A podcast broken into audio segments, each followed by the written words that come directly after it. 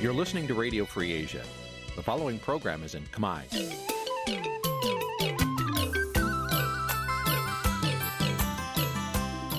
Nǐ ជាកម្មវិធីផ្សាយ Vuthu Azizi Serai នេះជាកម្មវិធីផ្សាយរបស់ Vuthu Azizi Serai ជាភាសាខ្មែរ Vuthu Azizi Serai សូមស្វាគមន៍លោកអ្នកនាងទាំងអស់ពីរដ្ឋធានី Washington នៃសហរដ្ឋអាមេរិក។ ចាប់ពីរដ្ឋធានី Washington នាងខ្ញុំម៉ៅសុធានីសូមជម្រាបសួរលោកអ្នកស្ដាប់ទាំងអស់ជាទីមេត្រីជាយើងខ្ញុំសូមជូនការផ្សាយសម្រាប់ព្រឹកថ្ងៃសុក្រ2រោចខែមិញឆ្នាំឆ្លូវត្រីស័កពុទ្ធសករាជ2565ហើយដល់ត្រូវនៅថ្ងៃទី18ខែកុម្ភៈគ្រិស្តសករាជ2022ជាដំបូងនេះសូមអញ្ជើញលោកតានាងកញ្ញាស្ដាប់ព័ត៌មានប្រចាំថ្ងៃដែលមានមេត្តាដូចតទៅ។ កិច្ចប្រជុំចង្អៀតរដ្ឋមន្ត្រីការបរទេសអាស៊ានបានបិទបញ្ចប់ទៅដោយគ្មានដំណោះស្រាយជាក់លាក់ក្នុងរឿងវិបត្តិនៅភូមាក្រសួងការបរទេសបដិសេធថាកម្ពុជា មិនមែនជាកន្លែងដែលចារកម្មកូរ៉េខាងជើងបើកដំណើរការជំនួញធំធំនោះឡើយលោកហ៊ុនសែនពង្រឹងវិធានការទប់ស្កាត់ការឆ្លងរាលដាលក្នុងសហគមន៍ដោយមេរោគប្រភេទថ្មីអូមីក្រុង។ អ្នកជំនាញនឹងអង្គការសិទ្ធិមនុស្សថាអនុក្រឹត្យច្រកទ្វារអ៊ីនធឺណិតគឺជាការបំបិតសិទ្ធិត្រីភាពរួមនឹងព័ត៌មានផ្សេងផ្សេងមួយចំនួនទៀតជាបន្តទៅទៀតនេះនាងខ្ញុំម៉ៃសុធានីសូមជូនព័ត៌មានទាំងនោះពឺស្ដាប់ លោកដានៀងជាទីមេត្រីកិច្ចប្រជុំចង្អៀតរដ្ឋមន្ត្រីការបរទេសអាស៊ាន រយៈពេល2ថ្ងៃនៅទីក្រុងភ្នំពេញបានបិទបញ្ចប់ទៅ ដោយគ្មានដំណោះស្រាយជាក់លាក់ក្នុងរឿងបញ្ហានៅភូមាក្រៅតែពីការសម្ដែងក្តីព្រួយបារម្ភជារួម ពីសំណាក់ក្រមរដ្ឋមន្ត្រីការបរទេសអាស៊ាន កាលពីថ្ងៃទី17ខែកុម្ភៈម្សិលមិញ អ្នកវិភាគសង្កេតឃើញថាលោកហ៊ុនសែនបានឈ្មោះក្នុងនាមជាប្រធានអាស៊ានបដូវវេននៅតែបង្ហាញចំហមិនច្បាស់លាស់ក្នុងការទទួលស្គាល់ឬក៏មិនទទួលស្គាល់ក្រុមមេដឹកនាំរដ្ឋបហាភូមិជាប្រធានាធិបតី Washington លោកមានរដ្ឋាភិការព័ត៌មាននេះក្រមរដ្ឋមន្ត្រីការបរទេសអាស៊ាន បានលើកឡើងពីបញ្ហាចម្បងចម្បងចំនួន4នៅក្នុងកិច្ចប្រជុំនេះដែលរួមមានដូចជាការគ្រប់គ្រងជំងឺ Covid-19 និងការស្ដារឡើងវិញពីវិបត្តិ ការប្រកួតប្រជែងភូមិសាស្ត្រនយោបាយបញ្ហាសន្តិសុខប្រពៃណីនិងមិនប្រពៃណីដែលមានស្រាប់និងបញ្ហាចុងក្រោយគឺការប្រឈមផ្ទៃក្នុងនិងជាលក្ខខណ្ឌរបស់ស្ថាប័នអាស៊ានរដ្ឋមន្ត្រីការបរទេសកម្ពុជា លោកប្រាក់សុខុនបានគូបញ្ជាក់ប្រាប់ក្រុមអ្នកសារព័ត៌មាននៅក្នុងសន្និសីទកាសែតក្រោយបិទបញ្ចប់កិច្ចប្រជុំនេះថាមានការព្រួយបារម្ភកាន់តែខ្លាំងឡើង ចំពោះភាពតានតឹងផ្នែកភូមិសាស្ត្រនយោបាយដែលធ្វើឲ្យស្ថានភាពនៅក្នុងតំបន់កាន់តែអាក្រក់ និងភាពបន្ទាន់ក្នុងការស្ដារឡើងវិញនៅសង្គមសេដ្ឋកិច្ចចេញពីផលប៉ះពាល់នៃវិបត្តិ COVID-19 បើតាមលោកប្រាក់សុខុនរដ្ឋមន្ត្រីការបរទេសអាស៊ាន បានគូបញ្ជាក់ឡើងវិញពីសារៈសំខាន់នៃការថែរក្សានិងការលើកកម្ពស់នូវសន្តិភាព នៅក្នុងតំបន់ចំនួនសមុទ្រចិនខាងត្បូងក្រមរដ្ឋមន្ត្រីការបរទេសអាស៊ាន ក៏បានចេញសេចក្តីថ្លែងការណ៍រួមមួយគូបញ្ជាក់អំពីការបដិញ្ញាចិត្តឡើងវិញនៅក្នុងការថែរក្សាតំបន់អាស៊ីអាគ្នេយ៍ជាតំបន់ដែលគ្មានសពាវុធនុយក្លេអ៊ែរនិងអាវុធប្រឡាយដទៃទៀតក្រៅពីនោះបញ្ហាលេចធ្លោមួយនៅក្នុងកិច្ចប្រជុំនោះគឺបញ្ហាវិបត្តិនយោបាយនៅភូមាលោកប្រាក់សុខុនថាកម្ពុជាបានបង្ខំចិត្តស្នើឲ្យមីយ៉ាន់ម៉ាឬភូមាបញ្ជូនតំណាងមិនមែនជាអ្នកនយោបាយឲ្យមកចូលរួមកិច្ចប្រជុំចង្អៀតថ្នាក់រដ្ឋមន្ត្រីការបរទេសនេះ ដោយសារតែមានការស្នើឡើងពីក្រុមប្រទេសសមាជិកអាស៊ានដទៃទៀតឲ្យធ្វើតាមសេចក្តីសម្រេចរបស់កិច្ចប្រជុំអាស៊ាន កាលពីលើកមុនដរាបណាគ្មានការវិវត្តណាមួយចំពោះវិបត្តិនៅភូមិនេះលោកគូបញ្ជាក់សារជាថ្មីថាយើងមិនអាចអនុញ្ញាតឲ្យបញ្ហាភូមិយកការកសាងសហគមន៍អាស៊ានទាំងមូលទៅធ្វើជាចំណាប់ខ្មាំងនោះទេ រដ្ឋមន្ត្រីការបរទេសនិងជាប្រិស័ទពិសេសនៃប្រធានអាស៊ាន លោកប្រាក់សុខុនក៏បានឲ្យដឹងដែរថាលោកនឹងទៅប្រទេសភូមានៅដើមខែមីនាខាងមុខនេះលោកឲ្យដឹងទៀតថាដំណើរទស្សនកិច្ចនេះគឺដើម្បីជួបសន្ទនាជាមួយដៃគូពាក់ព័ន្ធក៏ប៉ុន្តែលោកមិនសង្ឃឹមថាអាចជួបគ្រប់ភាគីបាននោះទេលោកប្រាក់សុខុនក៏គ្រងទៅចែកជំនួយមនុស្សធម៌ដល់មន្ទីរពេទ្យមួយកន្លែងនៅប្រទេសនេះផងដែរលោកបន្តថាក្រៅពីនេះ លោកក៏នឹងជួបអង្គទូតនានាដែលកំពុងប្រចាំការនៅប្រទេសភូមាពេលណាយើងរៀបចំស្រួលបួលហើយយើងនឹងយកទៅពិគ្រោះយោបល់ជាមួយនឹងរដ្ឋអំណាចនៅឯទីក្រុងណៃពីដោដើម្បីទទួលបានការគ្រប់គ្រងនិងសហការគ្នារៀបចំព្រោះមិនយើងមិនអាចទៅឆ្កុយទៅប្រទេសគេដែលគេមានអធិបតេយ្យយ៉ាងទេខ្ញុំនិយាយថាជាមួយភាគីពាក់ព័ន្ធវាអាចថាមិនទាំងអស់ទេហើយនេះជាការធ្វើដំណើរលើកទី1ផងយើងក៏ និយាយនិយាយទៅហើយនិយាយចំទៅយើងមិនអាចលោបបានទេមាត់យើងតាពីបានប៉ុណ្ណាយើងលេបប៉ុណ្្នឹងបានហើយលោកប្រាក់សខុនថាករហមទល់ពេលនេះលោកនៅមិនទាន់បានពីគ្រោះយោបល់ជាមួយរដ្ឋាភិបាលរូបរមជាតិហៅកាត់ថា NUG របស់ក្រុមអ្នកស្រីអ៊ុងសាងស៊ូជី ដែលជាមេដឹកនាំពលរដ្ឋភូមាបោះឆ្នោតឲ្យស្របច្បាប់នៅឡើយទេដោយសារតែក្រុមនេះលោកប្រាក់សខុនថាត្រូវបានរបបសឹកចាត់ទុកថាជាក្រុមភេរវករ ដូច្នេះហើយលោកប្រាសខុនថាលោកកំពុងស្វែងរកវិធីបញ្ចុះបញ្ចូលរបបសឹកដើម្បីឲ្យលោកអាចជួបជាមួយគ្រប់ភាគីពាក់ព័ន្ធបានកិច្ចប្រជុំបិទទ្វារនេះប្រទេសសមាជិកអាស៊ាន6ប្រទេសចូលរួមដោយផ្ទាល់រីឯប្រទេសប្រ៊ុយណេនិងប្រទេសថៃចូលរួមតាមប្រព័ន្ធវីដេអូដោយឡែករដ្ឋមន្ត្រីការបរទេសវៀតណាមក៏បានមកកម្ពុជា ហើយក៏គ្រោងនឹងចូលរួមដោយផ្ទាល់ដែរក៏ប៉ុន្តែត្រូវបានរកឃើញថាកើតជំងឺ Covid-19 ដូច្នេះហើយលោកត្រូវសម្រេចចិត្តចូលរួមកិច្ចប្រជុំនេះតាមប្រព័ន្ធវីដេអូវិញរបបសឹកភូមាមិនត្រូវបានអញ្ជើញឲ្យចូលរួមនៅក្នុងកិច្ចប្រជុំនេះទេហើយរបបនេះក៏មិនបានបញ្ជូនតំណាងជាបុគ្គលដែលមិនមែនជាអ្នកនយោបាយដោយតាមការចង់បានរបស់អាស៊ាននោះដែរយ៉ាងណាក៏ដោយរបបសឹកភូមាត្រូវបានអនុញ្ញាតឲ្យស្ដាប់កិច្ចប្រជុំនេះតាមដំណរភ្ជាប់ ទន្ទឹមនឹងនោះបើតាមលោកប្រាក់សុខុនលោកបញ្ជាក់ថាកម្ពុជាបានអញ្ជើញមន្ត្រីនៃរបបសឹកភូមាឲ្យចូលរួមនៅក្នុងកិច្ចប្រជុំថ្នាក់ឧត្តមមន្ត្រីអាស៊ាន និងកិច្ចប្រជុំពាក់ព័ន្ធនានាអ្នកវិភាគនយោបាយដែលកំពុងភៀសខ្លួននៅប្រទេសហ្វាំងឡង់លោកកឹមសុខសង្កេតឃើញថារដ្ឋាភិបាលលោកហ៊ុនសែនបានឈ្មោះជាប្រធានអាស៊ានយកទៅប្រឡូកប្រឡាក់ជាមួយរបបយោធាភូមា លោកយល់ថាដើម្បីអាចដោះស្រាយបញ្ហានយោបាយនៅប្រទេសភូមាបានលុះត្រាណាតែរដ្ឋាភិបាលលោកហ៊ុនសែនបង្ហាញចំហច្បាស់លាស់នៅក្នុងការមិនទទួលស្គាល់របបសឹកភូមាលោកបន្តថាបញ្ហានេះធ្វើឲ្យប្រទេសសមាជិកអាស៊ានផ្សេងទៀតសង្ស័យថារដ្ឋាភិបាលលោកហ៊ុនសែនក្នុងនាមជាប្រធានអាស៊ានមិនអាចដោះស្រាយបញ្ហានៅក្នុងតំបន់បាននោះទេ ក្រុមលោកហ៊ុនសែនមានតែប្រកាន់អរិយាប័ត្រជ្រេមជ្រុំបង្ហាញអំពីទស្សនៈនៃការព្យាយាមការដោះស្រាយវិបត្តិយោធា នៅ ប្រទេសភូមាអញ្ចឹងទៅក៏ប៉ុន្តែមិនហ៊ានប្រកាសដាច់ណាត់អំពីការមិនទទួលស្គាល់ក្រមយោធាណាហើយរឿងនេះគឺធ្វើឲ្យប្រទេសសមាជិកអាស៊ាននានានឹងមានការរង្គៀសចិត្តខ្លាំងណាស់ចាប់តាំងពីកម្ពុជាក្លាយជាប្រធានបដូវវេនអាស៊ាន នៅឆ្នាំ2022នេះមក លោកនាយករដ្ឋមន្ត្រីហ៊ុនសែនបានព្យាយាមទាញរបបយោធាឲ្យចូលរួមនៅក្នុងកិច្ចប្រជុំអាស៊ានឡើងវិញដោយអះអាងថាដើម្បីដោះស្រាយបញ្ហាវិបត្តិនៅប្រទេសភូមានេះទោះយ៉ាងណាក៏ដោយលោកទទួលស្គាល់ថាស្ថានភាពជាក់ស្ដែងនៅប្រទេសមីយ៉ាន់ម៉ាអត់មានអ្វីប្រែប្រួលនោះទេ ចាប់តាំងពីលោកទៅទស្សនកិច្ចផ្លូវការនៅមីយ៉ាន់ម៉ាកាលពីដើមខែមករារហូតមកដល់ពេលនេះ ក្រុមមេដឹកនាំអាស៊ាន បន្តសម្ដែងក្តីបារម្ភចំពោះស្ថានភាពនៃអំពើហិង្សានិងការកាប់សម្លាប់មនុស្សនៅភូមាពួកគេអំពាវនាវឲ្យអាជ្ញាធរមីយ៉ាន់ម៉ាចាត់វិធានការជាដុំកំភួនដើម្បីពន្លឿនការអនុវត្តកិច្ចព្រមព្រៀង5ចំណុចនិងជំរុញឲ្យគ្រប់ភាគីអនុវត្តនឹងការរដ្ឋបិទបំផុតព្រមទាំងចូលរួមនៅក្នុងកិច្ចសន្ទនាប្រកបដោយការស្ថាបនាដើម្បីទទួលបាននូវសន្តិភាព និងដំណោះស្រាយពីគ្រប់ភាគីពាក់ព័ន្ធសម្រាប់ជាប្រយោជន៍ដល់ពលរដ្ឋមីយ៉ាន់ម៉ាគ្រប់រូបរដ្ឋមន្ត្រីការបរទេសម៉ាឡេស៊ីលោក Saifuddin Abdullah សរសេរនៅលើទំព័រ Twitter របស់លោក នៅក្រៅកិច្ចប្រជុំនោះថាម៉ាឡេស៊ីជំរុញឲ្យអាស៊ានបំពេញការងារផ្អែកតាមគោលការណ៍ពិគ្រោះយោបល់គ្នាប្រកបដោយការស្ថាបនាដើម្បីស្វែងរកដំណោះស្រាយប្រកបដោយសន្តិភាព និងការវិលមករកភាពប្រក្រតីឡើងវិញ នៅក្នុងប្រទេសមីយ៉ាន់ម៉ា លោកក៏ស្នើឲ្យប្រេសិតពិសេសអាស៊ាន គឺលោកប្រាក់សខុនជួបជាមួយក្រុមប្រឹក្សាពិគ្រោះយោបល់រូបរមជាតិរបស់មីយ៉ាន់ម៉ាដែលជាក្រុមប្រឆាំងទៅនឹងរបបសឹកភូមាដែលក្នុងនោះក៏រួមមានទាំងរដ្ឋាភិបាលបង្រួបបង្រួមជាតិភូមាហៅកាត់ថា NUG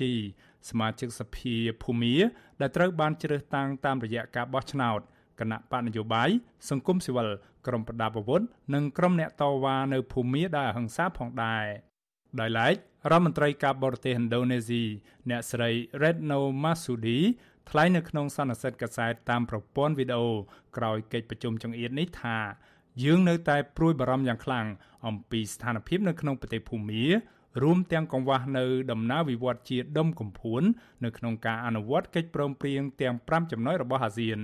អ្នកស្រីបន្តថាការអនុវត្តកិច្ចព្រមព្រៀងនេះសំខាន់សម្រាប់ពលរដ្ឋភូមាជាពិសេសដើម្បីស្ថិរភាព និងសន្តិសុខនៅក្នុងតំបន់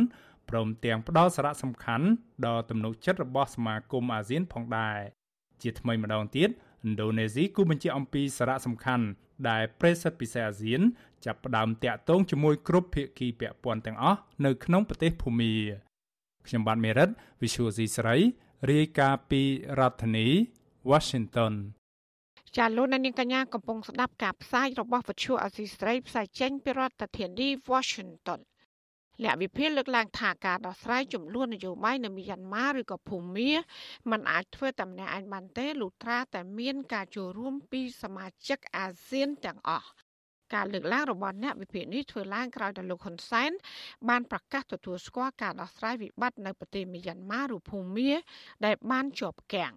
ចាសសេចក្តីរាយការណ៍ពីស្ដាមពីរឿងនេះលោកណានៀងនឹងបានស្ដាប់នាពេលបន្តិចទៀតនេះ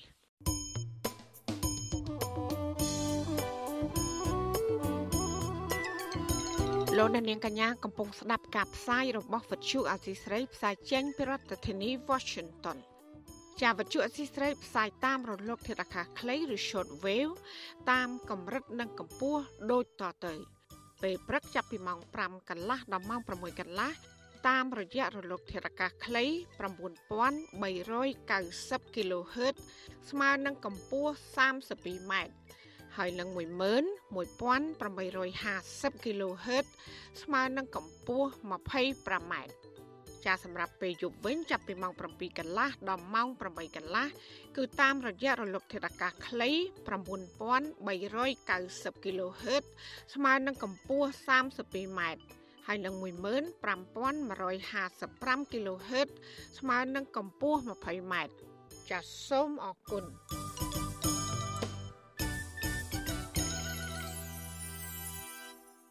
ចាលោកអ្នកត្រាប់យុតិមេត្រីក្រសួងការបរទេសកម្ពុជាច្រានចោលរបាយការណ៍របស់ក្រុមអ្នកជំនាញនៃអង្គការសហប្រជាជាតិថាកម្ពុជា គឺជាកន្លែងដែលចារកម្មកូរ៉េខាងជើងបើកដំណើរការជំនួញធំធំជាច្រើន ផ្នែកសន្តាគារកាស៊ីណូនិងទេសចរជាដើមប្រតិកម្មរបស់ក្រសួងការបរទេសកម្ពុជាបន្ទាប់ពីទីភ្នាក់ងារសារព័ត៌មានកូរ៉េខាងជើង បានចេញផ្សាយកាលពីថ្ងៃទី16ខែកុម្ភៈថារបាយការណ៍បឋមរបស់អង្គការសហប្រជាជាតិរកឃើញថាចារកម្មកូរ៉េខាងជើងកំពុងបង្កប់ខ្លួននៅក្នុងប្រទេសកម្ពុជា ហើយនឹងបើកអាជីវកម្មធំធំជាច្រើនរួមមានសន្តាគារកាស៊ីណូទីភ្នាក់ងារទេសចរភោជនីយដ្ឋាននិងរោងកសាជាដើម ចាប់តាំងពីពាក់កណ្ដាលឆ្នាំ2020មក លើពីនេះក្រុមអ្នកជំនាញរបស់អង្គការសហប្រជាជាតិថាភ្នាក់ងារចារកម្មម្នាក់ឈ្មោះកឹមជុលសុកបានបើកដំណើរការអាជីវកម្មទាំងនោះក្រោមឈ្មោះសុខាតាមការបញ្ជា របស់ការិយាល័យឆ្លប់យកការទូតនៃទីភ្នាក់ងារចារកម្មកម្ពុជារបស់កូរ៉េខាងជើងប្រពន្ធដដែលបញ្ជាក់ថាក្រុមហ៊ុនមួយក្នុងចំណោមក្រុមហ៊ុនជាច្រើនដែលឈ្មោះកឹមជុលសុក បានបើកដំណើរការទីភ្នាក់ងារទេសចរពិភពលោក CH ហើយដែលសម្រាប់សម្រួលការដើរលេងកម្សាន្តនៅអាស៊ីបូព៌ានិងអាស៊ីអាគ្នេយ៍តែទោះជាយ៉ាងណាក្រសួងការបរទេសកម្ពុជា បញ្ជាក់ជាថ្មី ថាកន្លងមកអាជ្ញាធរកម្ពុជា បានអនុវត្តយ៉ាងម៉ឺងម៉ាត់តាមការសម្រេចរបស់អង្គការសហប្រជាជាតិដែលបានដាក់ទណ្ឌកម្មទៅលើកូរ៉េខាងជើង តាំងពីការបញ្ឈប់អាជីវកម្មធំធំធនាគារ រហូតដល់បានការងារនិងទឹកថាការធ្វើការងាររបស់បរដ្ឋកូរ៉េខាងជើង នៅកម្ពុជាថែមទៀតយ៉ាងនេះក្តីរបាយការណ៍របស់អង្គការសហប្រជាជាតិបន្តថាចារកម្មកូរ៉េខាងជើងឈ្មោះគឹមជុលសុកដែលមានចំនួនរកស៊ីនៅកម្ពុជានោះមានជាប់ពាក់ព័ន្ធនឹងលោកទ្រីភិបដែលជាឈ្មោះឈើខ្នាតធំ លោកទ្រីភិបក៏ជាអ្នកជំនួញស្និទ្ធនឹងលោកនាយករដ្ឋមន្ត្រីហ៊ុនសែនរហូតដល់អាចប្រើប្រាស់កងកម្លាំងយោធា ដើម្បីកាង និងការពារការដឹកជញ្ជូនទំនិញខុសច្បាប់របស់ខ្លួនសហរដ្ឋអាមេរិកបានដាក់ទណ្ឌកម្មលោកទ្រីភិបពាក់ព័ន្ធនឹងការប្រព្រឹត្តអំពើពុករលួយ កាលពីឆ្នាំ2019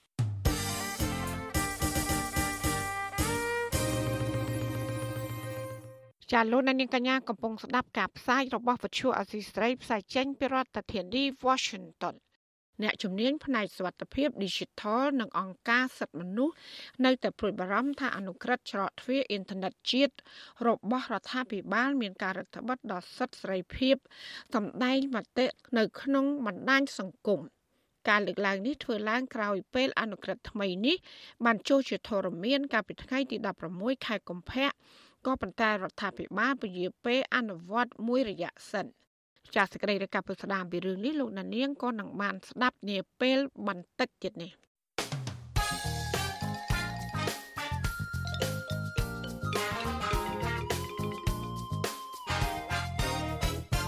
លោកណានីជាទីមេត្រីអ្នកប្រាស្រ័យបណ្ដាញសង្គម រិះគន់ថាពិបាកនឹងជឿទុកចិត្តចំពោះឯករាជ្យភាព របស់ប្រព័ន្ធតុលាការក្នុងការផ្ដល់យុត្តិធម៌ដល់ភាគីពាក់ព័ន្ធដោយសារអំពើពុករលួយ និងសម្ពាធនយោបាយការរិះគន់នេះធ្វើឡើងក្រោយពីអង្គការដួងងៀប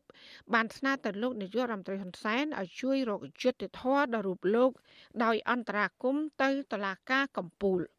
លោកដួងងៀបបានអះអាងថាលោកទទួលរងនៅអំពើអយុត្តិធម៌ក្រោមការចាត់ប្រកាន់របស់សាលាដំបងរាជធានីភ្នំពេញដោយប្រែពិសោធន៍ទៅខ្មៅដែលបានចាត់ប្រកាន់ពីបទឆបោកជនជាតិចិនតៃវ៉ាន់ចាលោកសេបណ្ឌិតសូមដកស្រង់នៅទស្សនៈមតិឬ comment ខ្លះខ្លះនៅលើបណ្ដាញសង្គមអំពីបញ្ហានេះមកជម្រាបជូនលោកណានៀងដូចតទៅ អ្នកប្រើប្រាស់បណ្ដាញសង្គមបង្ហាញក្តីអស់សង្ឃឹម ចំពោះប្រព័ន្ធតុលាការនៅកម្ពុជាម្ដងហើយម្ដងទៀតក្នុងការស្វែងរកយុត្តិធម៌ក្នុងរឿងក្តីណាមួយពួកគាត់ថាកុំថាឡើយប្រជាពលរដ្ឋក្រីក្រសំបីតែអ្នកមានលុយមានងារជាអង្គញា មានបុណ្យស័ក្តិថ្នាក់ពាក់ផ្កាយពេញស្មាក៏មិនប្រកាសថា បានទទួលយុត្តិធម៌ពីប្រព័ន្ធតុលាការក្នុងស្រុកនេះដែរដោយអស់ជំនឿលើប្រព័ន្ធតុលាការ ពួកគេបានងាករកមធ្យោបាយដោះស្រាយរឿងក្តីក្រៅប្រព័ន្ធតុលាការវិញម្ដងពួកគាត់បង្ហាញការចាប់អារម្មណ៍បែបនេះគឺចង់សម្ដៅទៅលើរឿងក្តីរបស់លោកអង្ញាឌូងៀបនិងអង្ញាផ្សេងផ្សេងទៀតពេលចាញ់ក្តីនៅតុលាការពួកគេតែងតែអំពាវនាវជាចំហឬតាមផ្លូវក្រៅក៏មាន ដោយសូមឲ្យលោកហ៊ុនសែនជួយអន្តរាគមន៍ម្ចាស់ករណី Facebook ឈ្មោះឌីណាឆាយបានចែករំលែកឬហៅថា share ជុំវិញរឿងរ៉ាវនេះថា ជើរីស្នាគាត់អស់ជំនឿលើតុលាការស្រុកយើងអញ្ចឹងមានតែអង្វរសម្ដេចឲ្យជួយទេម្ចាស់ករណី Facebook មួយទៀតឈ្មោះកើតធីបញ្ចេញទស្សនៈដែលទំនងជាដកស្រង់ទស្សនៈបណ្ឌិតកែមលីដែលថា បើមិនធ្វើអ្វីសោះគង់ដល់វេនយើងម្ដងនៅពេលណាមួយចំណែកម្ចាស់ករណី Facebook មួយទៀតឈ្មោះបូនរិទ្ធី បានខមមិនលើបញ្ហានេះដែរថា សង្គមចោលប្លន់ពុករលួយអយុត្តិធម៌ គុំសង្ឃឹមថាបានសុខទោះមិនធ្វើអ្វីសោះក៏ដោយគ្រាន់តែយូរឬឆាប់មុននឹងក្រោយប៉ុណ្ណោះម្ចាស់ករណី Facebook មួយទៀតឈ្មោះបុផាបុស្បាក៏បានចូលរួមបញ្ចេញទស្សនៈជុំវិញរឿងតុលាការនេះដែរថាឪពុកម្ដាយបណ្ដុះបណ្ដាលឲ្យកូនរៀនធ្វើជាមេធាវី ដើម្បីរកយុត្តិធម៌ឲ្យជនរងគ្រោះ តែបើតាមមើលខមមិនសុទ្ធតែដៀលទៅតុលាការ ថាផ្អៀងទៅតែម្ខាង ចំពោះអ្នកដែលមានលុយ ដោយឡែកម្ចាស់ករណី Facebook មួយទៀតឈ្មោះណៃសីមាថាថ្នាក់នាមជាអង្គញានៅមានអ្នកធ្វើបាប បង្ហោះសារហៅរោគសម្ដេចឲ្យជួយចុះទម្រាំរាជធម្មតាទៀតនោះតើទៅជាយ៉ាងណា ម្ចាស់ករណី Facebook ឈ្មោះជុនដា បានខមមិនហាក់បន្ទោសទៅក្រុមអ្នកមានទ្រព្យអ្នកមានងារជាអង្គញាថា ដល់ពេលប៉ះខ្លួនឯងផ្ទាល់ទើបចេះនិយាយពាក្យថាអយុត្តិធម៌ រីឯម្ចាស់កេរនី Facebook ឈ្មោះ Man Baby ថាថ្នាក់ឯកឧត្តមប៉ុណ្ណឹងហើយនៅតែថាទទួលរងនៅភាពអយុត្តិធម៌ពីតុលាការស្រុកយើងទៀត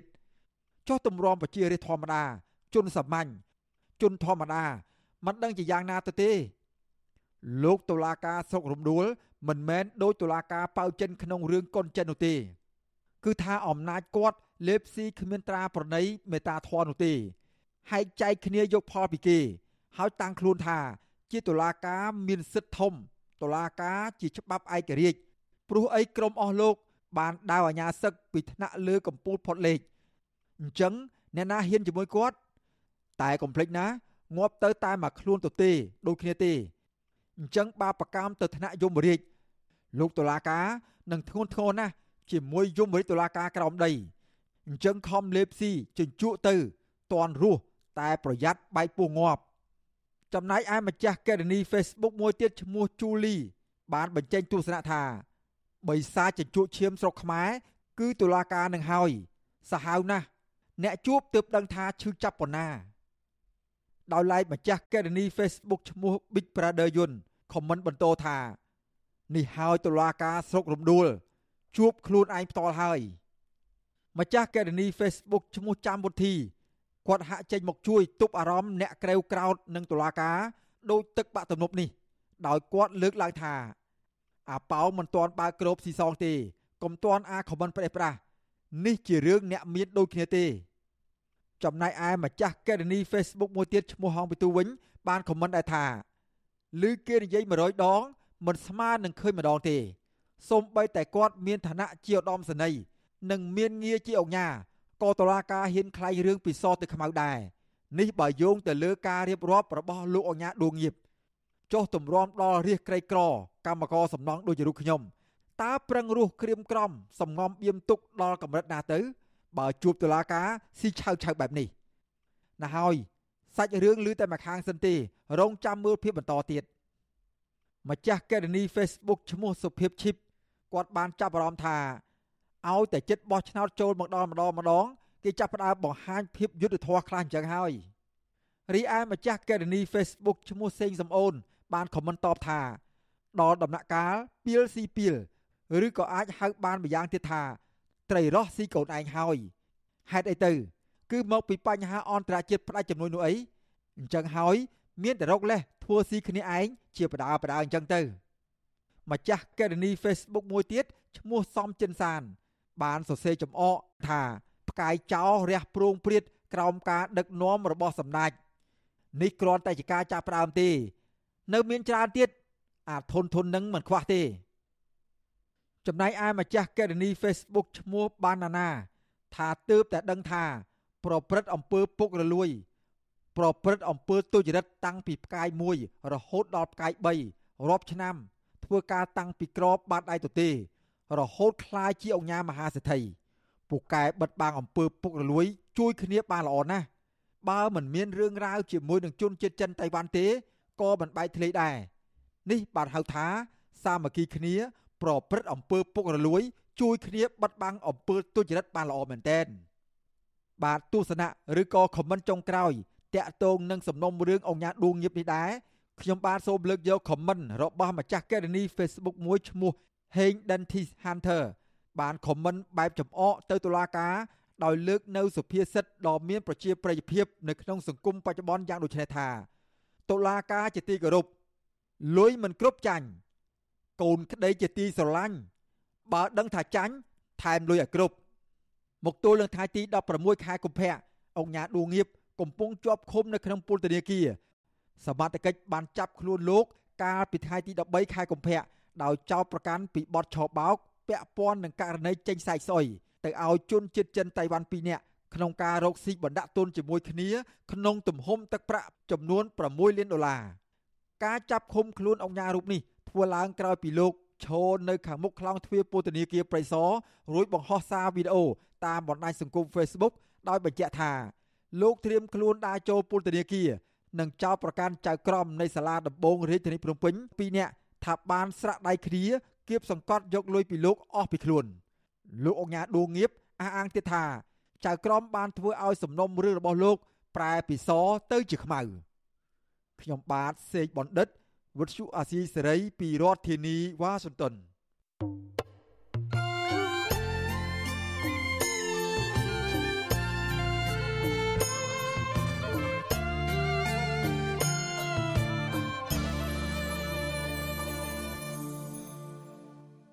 លោកអ្នកស្ដាប់ទីមេត្រីម្ដាយនិងមេធាវីការពារសង្ឃឹមថាសាលាឧទ្ធរភ្នំពេញនឹងទម្លាក់ចោលការចាប់ប្រកាន់លើក្មេងប្រុសកាក់សវណ្ណឆៃដើម្បីផ្ដល់យុត្តិធម៌ដល់កុមាររូបនេះ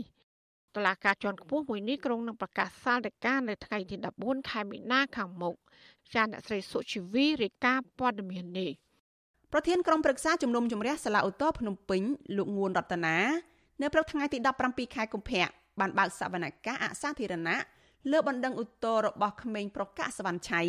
ដែលមិនសុខចិត្តចំពោះសាលក្រមរបស់សាលាដំបងរាជធានីភ្នំពេញដែលបានផ្ដន់ទាទោសរូបគាត់ឲ្យជាប់ពន្ធនាគាររយៈពេល8ខែប៉ុន្តែតម្រូវឲ្យអនុវត្តទោសនៅក្នុងពន្ធនាគាររយៈពេល4ខែកន្លះ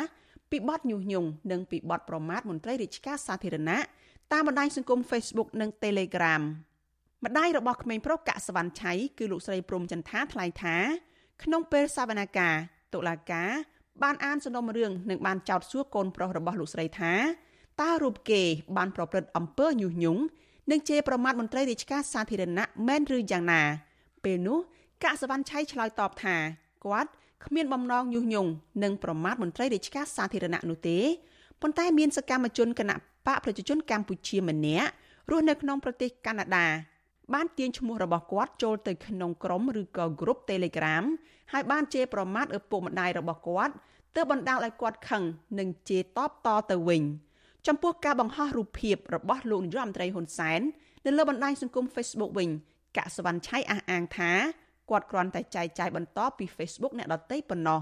លោកស្រីសង្ឃឹមថាសាឡាអ៊ូតូ នឹងសម្រេចឲ្យកូនប្រុសរបស់លោកស្រីរួចផុតពីការចោទប្រកាន់នៅពេលប្រកាសសាលដីកានៅថ្ងៃទី14ខែមិនិនាខាងមុខ ខ្ញុំសំណូមពរឲ្យតុលាការទម្លាក់រកការចោទទាំងអស់ទៅសាលាតហ្នឹងព្រោះគាត់ជាក្មេងណាមួយទៅគាត់គ្មានកំហុសអីទាំងអស់និយាយទៅពាក្យថាញុះញង់ពាក្យថាជេរប្រមាថហ្នឹងដូចខ្ញុំនិយាយមន្ត្រីសាធារណៈបើគ្មានការកត់ទុកសក្តិវិជាពលរដ្ឋណាមួយដូចជាក្មេងកូនខ្ញុំចឹងចាប់ប៉ាគាត់ដាក់ពន្ធនាគារគប់គាត់បែកក្បាលឃុំគាត់48ម៉ោងអាពេលគាត់ជើរើសតុងជ័យហ្នឹងបើគិតទៅវាជាសិទ្ធិសេរីភាពរបស់ក្មេងក៏ប៉ុន្តែអានេះជាមនុស្សចាស់ចាស់អស់ហើយគាត់ឲ្យបត់ចោតអញ្ចឹងវាអត់សមរម្យទេធម្មតាក្មេងដែលរងអំពើយុត្តិធម៌គាត់តែងតែមានការនិយាយខ្លះហើយអញ្ចឹងយើងគួរមន្ត្រីសាធារណៈយើងគួរតែទទួលយកដើម្បីកែតម្រង់ខ្លួនឯងឬកែតម្រូវខ្លួនឯងទៅមិនមែនយកចាប់គាត់ដាក់គុកដាក់ពន្ធនាគារអញ្ចឹងឯអានេះជាអំពើយុត្តិធម៌ទាំងស្រុងហើយលោកស្រីព្រមចន្ទថាឲ្យដឹងដែរថាក្នុងពេលសវនកម្មនោះព្រះរាជអាជ្ញាសាឡាឧទ្ធរក៏បានជួយសំណុំពរដល់ចៅក្រមឲ្យពិចារណា លើកលែងការចោទប្រកាន់លើកាកសវណ្ណឆៃដែរព្រោះយុវជន គឺជាទំពាំងស្នងឫស្សីការសំណុំពរនេះគឺផ្ទុយពីព្រះរាជអាជ្ញារងនៃសាលាដំបងរាជធានីភ្នំពេញគឺលោកហុងកឹមសាន ដែលព្យាយាមដាក់បន្ទុកលើក្មេងប្រុសកាក់សវណ្ណឆៃមេធាវីការពារក្តីឲ្យក្មេងប្រុសកាក់សវណ្ណឆៃលោកសំសុគង្គយល់ថាផ្អែកតាមនីតិវិធីនិងអង្គហេតុតុលាការជាន់ខ្ពស់គួរតែលុបចោលសាលក្រមរបស់សាលាដំបងរាជធានីភ្នំពេញដែលផ្ដន់ទាទោសកូនក្តីរបស់លោក និងប្រគល់វត្ថុចាប់យកកន្លងមកនោះឲ្យគាត់បានប្រើប្រាស់ឡើងវិញចំពោះការយល់ឃើញរបស់មេធាវីយល់ឃើញថាដោយសារតែកុមារកូនក្តីនេះគាត់ជាអតិថិជនហើយគាត់មានប្រវត្តិនៃបញ្ហាជំងឺអកស៊ីសឹមហើយតើតើនឹងការប្រព្រឹត្តរបស់គាត់គាត់មិនបានយល់អំពីអង្គហេតុក៏ដូចជាវិជាសនកម្មជាពិសេសគឺប្រព្រឹត្តនៅពេលដែលគាត់មានបញ្ហាខួរក្បាលហ្នឹងបើយោងទៅតាមក្រមព្រំប្រទានមិនត្រូវទទួលខុសត្រូវ ទៅព្រមមិនទាន់ទេហើយចំណុចទី2ដើម្បីគិតពីផលប្រយោជន៍អតិថិជនជាពិសេសគឺប្រវត្តិនៃការប្លន់ទាទោសតឡាការសាលាដុសក៏តែពិចារណាដើម្បីសម្រេចឲ្យគុកឯងរួចផុតបទចោលក្មេងប្រុសកាក់សវណ្ណឆៃដែលពេលនេះមានអាយុ17ឆ្នាំត្រូវបានតុលាការដោះលែងពីពន្ធនាគារកាលពីថ្ងៃទី10ខែវិច្ឆិកាឆ្នាំ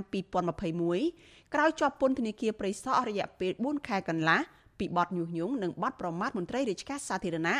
ពាក់ព័ន្ធនឹងការបង្ហោះសារតាមបណ្ដាញសង្គម Facebook និង Telegram ថ្មីត្បិតតែត្រូវដោះលែងក្តីតុលាការក្រុងភ្នំពេញបានដាក់ក្មេងប្រុសរូបនេះឲ្យស្ថិតក្រោមការព្យួរទោសសាលបងរយៈពេល2ឆ្នាំដោយតម្រូវឲ្យបង្ហាញខ្លួននៅចំពោះមុខតុលាការគ្រប់ពេលដែលត្រូវបានកោះហៅឬក៏ជួលដំណឹងទៅតុលាការនឹងត្រូវសុំការអនុញ្ញាតប្រសិនបើផ្លាស់ប្តូរអាសយដ្ឋាននិងចង់ចាក់ចេញពីប្រទេសព្រមទាំងដាក់លក្ខខណ្ឌមួយចំនួនទៀតប្រធានសមាគមការពារសិទ្ធិមនុស្សអាត6លោកនីសុខាមានប្រសាសន៍ថា តុលាការគួរតែលើកលែងការចោទប្រកាន់និងផ្ដល់សេរីភាពពេញលេញដល់ក្មេងប្រុសកាក់សវណ្ណឆៃឡើងវិញដោយមិនគួរបន្តនីតិវិធីទៀតនោះទេដើម្បីកុំឲ្យមានការរិះគន់លើប្រព័ន្ធតុលាការថែមទៀត។ តឡាការគួរតែលោកពិចារណាកុំយកអរិញបញ្ហាក្តីនឹងទៅដោះស្រាយនាំមកជារឿងអំពើរឿងកង្វល់នៅក្នុងអរិញសង្គមនឹងទេជារឿងដែលល្អណាពីព្រោះថាវារឿងនេះវាអត់មានរឿងអីតតែសោះបើយើងនិយាយមែនតែនទៅវាជារឿងមួយគ្រាន់តែគាត់អនុវត្តនៅសិទ្ធិសេរីភាពរបស់គាត់នៅក្នុងការបញ្ចេញមតិនៅក្នុងការបញ្ចេញទស្សនៈឬក៏នៅក្នុងការដែលគាត់មិនសប្បាយចិត្តនៅពេលដែលគាត់មានបញ្ហាមិនមែនតែកុមារកសវណ្ណឆៃមួយទេបាទប្រជាពលរដ្ឋទូទៅនៅពេលដែលលោកមិនសប្បាយចិត្តទៅនឹងអ្នកដឹកនាំលោកតែងតែរិះគន់លោកតែងតែថាអានេះវាជារបៀបរបបរស់នៅនៅក្នុងសង្គមប្រជាធិបតេយ្យដែលគេបើកសិទ្ធិសេរីភាពឲ្យប្រជាពលរដ្ឋក្មេងប្រុសកសវណ្ណឆៃគឺជាកូនរបស់សកម្មជនបកប្រឆាំងលោកកកគំភាដែលបច្ចុប្បន្នកំពុងជាប់ពន្ធនាគារព្រៃសរក្រោមបទចោទរួមគំនិតក្បត់និងបទញុះញង់ខណៈអ្នកស្រីព្រំចន្ទថាជាម្ដាយតែងតែសកម្មនៅក្នុងការចេញតវ៉ាដោយអហិង្សា ដើម្បីទាមទារឲ្យដោះលែងប្តីនិងសកម្មជនគណបកសង្គ្រោះជាតិដទៃទៀតដែលកំពុងជាប់ឃុំក្មេងប្រុសរូបនេះក៏តែងតែចេញតវ៉ាជាមួយម្ដាយដែរហើយបានធ្វើឲ្យគាត់ទទួលរងគ្រោះផ្ទួនផ្ទួនកាលពីដើមខែតុលាឆ្នាំ2020អាជ្ញាធររដ្ឋាភិបាលធ្លាប់បានចាប់ខ្លួននិងប្រើហិង្សាសួរចម្លើយអស់រយៈពេល48ម៉ោងដោយសារគាត់ចូលទៅប្រមូលទង់របស់គណៈបកសង្គ្រោះជាតិនៅឯទីស្នាក់ការកណ្ដាលរបស់គណៈបកនេះ បន្ទាប់មកនៅក្នុងខែមេសាឆ្នាំ2021កសវណ្ណឆៃត្រូវបានជន់មិនស្គាល់មុខ2នាក់ជិះម៉ូតូតាមវាយគាត់ដោយប្រើដុំឥដ្ឋបណ្ដាលឲ្យរបួសក្បាលធ្ងន់ធ្ងរសមត្ថកិច្ចនៅមិនទាន់ចាប់បានជនដៃដល់ណាម្នាក់យកមកផ្ដន្ទាទោសតាមច្បាប់នៅឡើយទេក្រុមអង្គការជាតិនិងអន្តរជាតិចាត់ទុកករណីទាំងនេះថាជាការគំរាមកំហែងការយាយីនិងជាការធ្វើទុកបុកម្នេញផ្នែកនយោបាយទៅលើគ្រួសាររបស់សកម្មជនបកប្រឆាំង ក្រុមអង្គការជាតិនិងអន្តរជាតិទាមទារឲ្យតុលាការនិងរដ្ឋាភិបាលលោកហ៊ុនសែនបញ្ឈប់ការយាយីជាបន្ទាន់និងទម្លាក់ចោលការចោទប្រកាន់លើសកម្មជននយោបាយសមាជិកគ្រួសារព្រមទាំងអ្នករិះគន់ឲ្យមានសេរីភាពឡើងវិញព្រោះអ្នកទាំងនោះពុំបានប្រព្រឹត្តខុសច្បាប់អ្វីឡើយនាងខ្ញុំសុជីវីវិទ្យុអាស៊ីសេរីពីរដ្ឋធានី Washington លោកអ្នកស្ដាប់ជាទីមេត្រីតឡាការកំពូល សម្រាប់ដំកល់សាក្រមកាត់ទោសអតីតប្រធានអង្គរៈលោកអុកញ៉ាថោងសារ៉ាត់ដាក់ពន្ធនាគារអស់មួយជីវិតពាក់ព័ន្ធនឹងឃាតកម្មទុកជាមុន លើអុកញ៉ាអឹងមេងជឺ ប្រធានចៅក្រមជំនុំជម្រះតឡាការកំពូល លោកយូអត្រាបានប្រកាសសាលដីកាកាលពីថ្ងៃទី17ខែកុម្ភៈឲ្យជនជាប់ចោតឈ្មោះសៀងវាសនាភេទប្រុសអាយុ48ឆ្នាំដែលធ្លាប់ជាប្រធានក្រុមអង្គរៈលោកអុកញ៉ាថោងសារ៉ាត់ដាក់ពន្ធនាគារអស់មួយជីវិតសាលាដំបងរាជធានីភ្នំពេញកាលពីឆ្នាំ2019បានផ្តន្ទាទោសជនជាប់ចោត5នាក់ដាក់គុក អស់មួយជីវិតក្រោមការចាប់ប្រកាន់ពីបទផ្ដាំគំនិតក្នុងអំពើឃាតកម្មគិតទុកជាមុនដែលក្នុងនោះរួមមានលោកអុកញ៉ាថោងសារ៉ាត់ប្រធានក្រុមអង្គរៈលោកសៀងវាសនា លោកគួយចន្ទថុលលោកមាសសម្បត្តិហៅទូច ហើយនិងលោកខុនចត្រាតរាការក៏បានបង្គាប់ឲ្យអ្នកទាំង5សងជំងឺចិត្តរួមគ្នាចំនួន10លានដុល្លារទៅភរិយារបស់លោកអឹងមេងជឺទោះជាយ៉ាងណាសាលាអូតូរាជធានីភ្នំពេញ កាលពីខែវិច្ឆិកាឆ្នាំ2020បានសម្រេចដោះលែងជនជាប់ចោតចំនួន4នាក់រួមទាំងលោកថោងសារ៉ាត់ផង និងបានទម្លាក់ចោលបទចោតប្រកាន់អ្នកខ្លំមើលនិងអ្នកច្បាប់ចាត់ទុកសំណុំរឿងនេះថាបានបង្ហាញថាតឡាកាបានអនុវត្តច្បាប់មានស្តង់ដារ2បើប្រៀបធៀបករណីនេះទៅសំណុំរឿងរបស់សកម្មជននយោបាយសកម្មជនសង្គម អ្នកស្រឡាញ់បរិស្ថាននិងក្រមយុវជន ដែលបានសកម្មការងារសង្គមតែងតែត្រូវជាប់ពន្ធនាគារដោយសារតែពួកគេបញ្ចេញមតិហើយជាទូទៅពួកគេកម្រនឹងបានដោះលែងឲ្យនៅក្រៅឃុំបណ្ដោះអាសន្នគឺត្រូវជាប់ពន្ធនាគាររហូតដល់គ្រប់ចំនួនទោស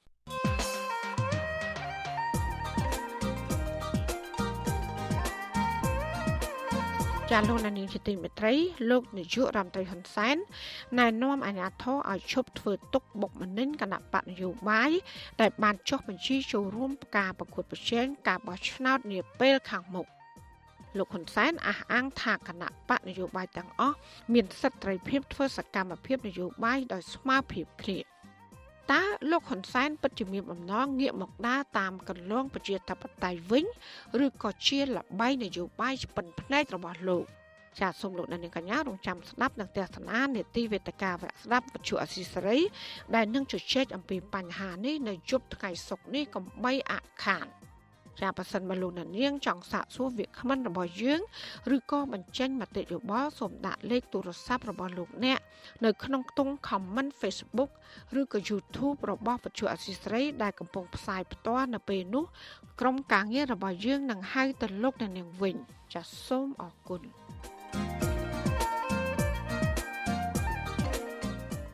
លោកណានីជាទីមេត្រីលោកនាយករដ្ឋមន្ត្រីហ៊ុនសែនប្រកាសពីវិធានការពង្រឹងការប្រយុទ្ធប្រឆាំងនិងការទប់ស្កាត់ការឆ្លងរាលដាលមេរោគ COVID-19 បំផ្លែងថ្មី ប្រភេទអូមីក្រុងក្នុងសហគមន៍ ក្នុងសារាចរណែនាំកាលពីថ្ងៃទី17ខែកុម្ភៈលោកហ៊ុនសែនបញ្ជាក់ថាទោះបីជាមេរោគប្រភេទថ្មីអូមីក្រុងនេះมันមានកម្រិតធ្ងន់ធ្ងរដូចជាប្រភេទ Delta ក៏ដោយក៏ប៉ុន្តែការបន្តកើនឡើងជាកំហុកនៃអ្នកឆ្លងជំងឺ Covid-19 នឹងបង្កជាហានិភ័យសម្រាប់ប្រព័ន្ធសុខភាពសាធារណៈនិងអាយុជីវិតរបស់ប្រជាពលរដ្ឋជាពិសេស គឺអ្នកដែលមានជំងឺ Covid-19 មិនបានចាក់វ៉ាក់សាំងនិងអ្នកដែលមានជំងឺប្រចាំកាយជាដើមស្រាវជ្រាវណែនាំដដែលបន្តថាដើម្បីធានាបាននៅនិរន្តរភាព នៃការបើកដំណើរការសកម្មភាពសេដ្ឋកិច្ចសង្គមឲ្យបានពេញលេញឡើងវិញលើគ្រប់វិស័យនោះនឹងដើម្បីទប់ស្កាត់ការឆ្លងរាលដាលនៃមេរោគ COVID-19 ទ្រង់ទ្រាយធំ គឺត្រូវតែមានការចូលរួមពីសមត្ថកិច្ចពាក់ព័ន្ធនិងប្រជាជនទូទៅ វិធានការទាំងនោះរួមមានគ្រប់ក្រសួងស្ថាប័នពាក់ព័ន្ធនិងគណៈអភិបាលរាជធានីខេត្តត្រូវចុះពង្រឹងការអប់រំផ្សព្វផ្សាយពីវិធានសុខាភិបាល ដូចជាពាក់ម៉ាស់រក្សាគម្លាតសុវត្ថិភាព និងរក្សាអនាម័យឲ្យបានខ្ជាប់ខ្ជួន។បន្ថែមពីនេះបន្តជំរុញអបរដ្ឋចក្របាក់សាំងបង្ការជំងឺ Covid-19 ទាំងដូសមូលដ្ឋាននិងដូសជំរុញដល់ក្រុមកុមារនិងមនុស្សពេញវ័យ។ ក្រសួងសុខាភិបាលនិងស្ថាប័នពាក់ព័ន្ធក៏ត្រូវតែយកចិត្តទុកដាក់ពង្រឹងប្រសិទ្ធភាពនៃការអនុវត្តនីតិវិធី ប្រតិបត្តិស្តង់ដារគ្រប់គ្រងការថែទាំអ្នកជំងឺ Covid-19 នៅផ្ទះនិងកាត់បន្ថយការជួបជុំគ្នាក្នុងពិធីផ្សេងផ្សេងដែលមានមនុស្សចូលរួមឲ្យបានជាអបបរមាបន្ថែមពីនេះត្រូវរក្សាគម្លាតសុវត្ថិភាព និងធ្វើតេស្តរហ័សរកមេរោគ COVID-19 ព្រមទាំងពិនិត្យបានចាក់វ៉ាក់សាំង COVID-19 ដល់អ្នកចូលរួមផងដែរ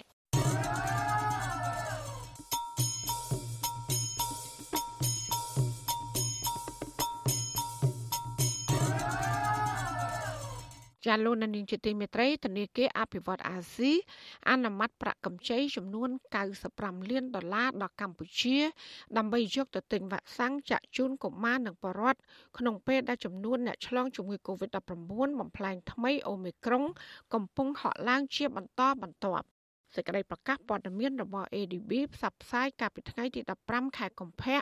យដឹងថាប្រាក់កម្ចីនេះគឺដើម្បីជួយដល់រដ្ឋាភិបាលកម្ពុជា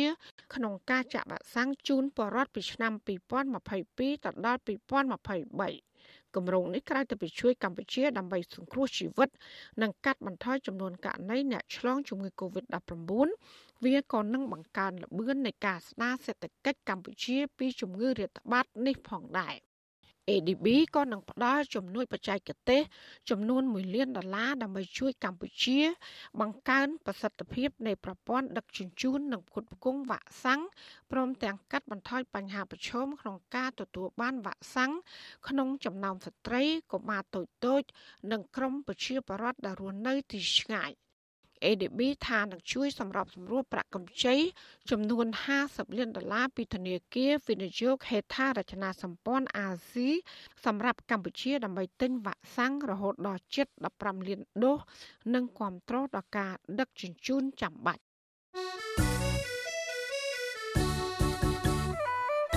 ចាលោកនាងជាទីមេត្រីវិទ្យុអសីស្រីផ្សាយតាមរលកធាតុអាកាសខ្លីឬ short wave តាមកម្រិតនិងកម្ពស់ដូចតទៅ ចាប់ពេលព្រឹកចាប់ពីម៉ោង5កន្លះដល់ម៉ោង6កន្លះតាមរយៈរលកធារកាខ្លី9390 kHz ស្មើនឹងកម្ពស់ 32m និង11850 kHz ស្មើនឹងកម្ពស់ 25m ចាសម្រាប់ពេលយប់ចាប់ពីម៉ោង7កន្លះដល់ម៉ោង8កន្លះគឺតាមរយៈរលកថេរកាខ្លី9390 kHz ស្មើនឹងកម្ពស់ 32m និង15155 kHz ស្មើនឹងកម្ពស់ 20m ចាសសូមអរគុណចាលោកនានីជាទីមេត្រីអ្នកជំនាញផ្នែកសវត្ថភាព Digital និងអង្គការសិទ្ធិមនុស្សនៅតែព្រួយបារម្ភថាអនុក្រឹត្យច្រកទ្វារអ៊ីនធឺណិតជាតិរបស់រដ្ឋាភិបាល មានការរឹតបន្តឹងដល់សិទ្ធិសេរីភាពសម្ដែងមតិនៅក្នុងបណ្ដាញសង្គម ការលើកឡើងនេះធ្វើឡើងក្រោយពេលអនុក្រឹត្យថ្មីនេះបានចូលជាធរមានកាលពីថ្ងៃទី16ខែកុម្ភៈក៏ប៉ុន្តែត្រូវបានរដ្ឋាភិបាលពន្យាពេលអនុវត្តមួយរយៈសិនជាពីរដ្ឋធានី Washington លោកសេកបណ្ឌិត មានសេចក្តីរាយការណ៍ពឹស្ដាជុំវិញព័ត៌មាននេះអនុក្រឹត្យច្រកទ្វារអ៊ីនធឺណិតនេះធ្វើឲ្យប៉ះពាល់ដល់សិទ្ធិឯកជនភាពរបស់ពលរដ្ឋដែលប្រើប្រាស់បណ្ដាញសង្គមតាមប្រព័ន្ធអ៊ីនធឺណិតជាមិនខានឡើយប្រសិនបើរដ្ឋាភិបាល ដាក់ឲ្យប្រើប្រាស់មែននោះនេះបើតាមការអះអាងរបស់អ្នកជំនាញនិងអង្គការសង្គមស៊ីវិលផ្នែកសិទ្ធិមនុស្សអ្នកប្រឹក្សាសុវត្ថិភាពផ្នែក Digital លោកង៉ែតម៉ូសេមានប្រសាសន៍ថានៅពេលដែលអនុក្រឹត្យនេះត្រូវបានគេអនុវត្តជាផ្លូវការនោះនឹងធ្វើឲ្យរដ្ឋាភិបាល មានអំណាចគ្រប់គ្រងដែនជាតិបានប្រសើរជាងពេលបច្ចុប្បន្នពលគឺរដ្ឋអាចបិទគេហទំព័រ Facebook និង website ណាមួយបានដោយខ្លួនឯង ដោយមិនចាំបាច់ជូនដំណឹងទៅម្ចាស់ក្រុមហ៊ុនអ៊ីនធឺណិតដោយពេលមុនឡើយលោកមើលឃើញថា មានចំណុចមួយក្នុងចំណោម3ចំណុចដែលរដ្ឋាភិបាល បានលើកហេតុផលថាអនុក្រឹត្យនេះធ្វើឡើងដើម្បីរកប្រាក់ចំណូល ការពារសន្តិសុខជាតិនិងដើម្បីវប្បធម៌ប្រពៃណីនិងសេចក្តីថ្លៃថ្នូររបស់ជាតិលោកបញ្ជាក់ថាចំណុចទី3នឹងប៉ះពាល់ដល់អ្នកប្រើប្រាស់បណ្ដាញសង្គមខ្លាំងជាងគេ ដោយសារតែចំណុចនេះ មានអត្ថន័យទូលំទូលាយដែលអាជ្ញាធរអាចនឹងយកទៅប្រើប្រាស់ជាឧបករណ៍ដាក់បន្ទុកទៅលើម្ចាស់គេហទំព័រ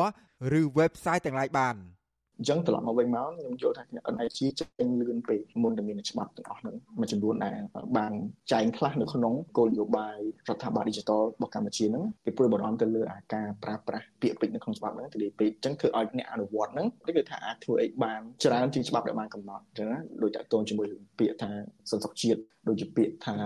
តាក់ទងជាមួយនឹងការការពារវប្បធម៌ប្រពៃណីឡើងឡើងអញ្ចឹងណាបាទអញ្ចឹងហើយហ្នឹងយើងឃើញបទពិសោធន៍កន្លងមកដែលបានប្រើប្រាស់ទៅលើពាក្យពេចន៍ហ្នឹងដូចការធ្វើឲ្យរាំងស្ទះទៅដល់សាធារណៈអញ្ចឹងទៅណាបាទហើយមានការចាប់ចងកើតឡើងអញ្ចឹងទៅបាទលោកង៉ែតម៉ូសេបន្តថា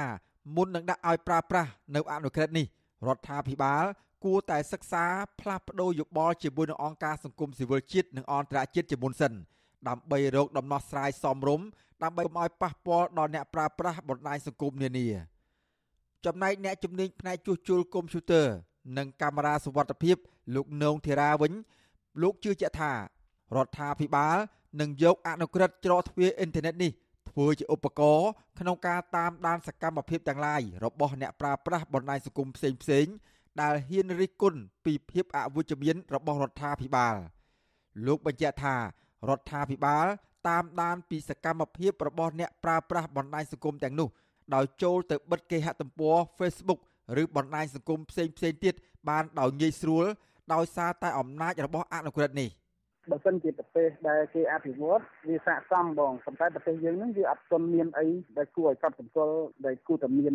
ច្បាប់ច្រកជិញចូលអ៊ីនធឺណិតហ្នឹងទេបងហ្នឹងណាបងព្រោះយើងវានៅមានកម្រិតនៅឡើយទេបងហើយណាមួយរដ្ឋាភិបាលរាល់ថ្ងៃនេះគឺគាត់បង្កើតអានេះជាការមើលឃើញរបស់ខ្ញុំទេគឺគាត់បង្កើតលក្ខខណ្ឌហ្នឹងគឺដើម្បីគៀបសង្កាត់ការបញ្ចេញមតិរបស់ពលរដ្ឋឬក៏មតិប្រឆាំងរដ្ឋាភិបាលនឹងឯងបងប្រតិកម្មទាំងនេះ កើតមានឡើងក្រោយពេលដែលអនុក្រឹត្យថ្មី ស្ដីអំពីច្រកទ្វារអ៊ីនធឺណិតបានចូលជាធរមានកាលពីថ្ងៃទី16កុម្ភៈក៏ប៉ុន្តែរដ្ឋាភិបាលបានពន្យាពេលប្រាស់ប្រាស់មួយរយៈពេលសិនអនុក្រឹត្យថ្មីនេះ មាន20មាត្រា ក្នុងនោះ អ្នកជំនាញព្រួយបារម្ភខ្លាំងជាងគេ គឺមាត្រាទី17និងទី19ដែលបានចែងថា ក្នុងករណីពិនិត្យឃើញថា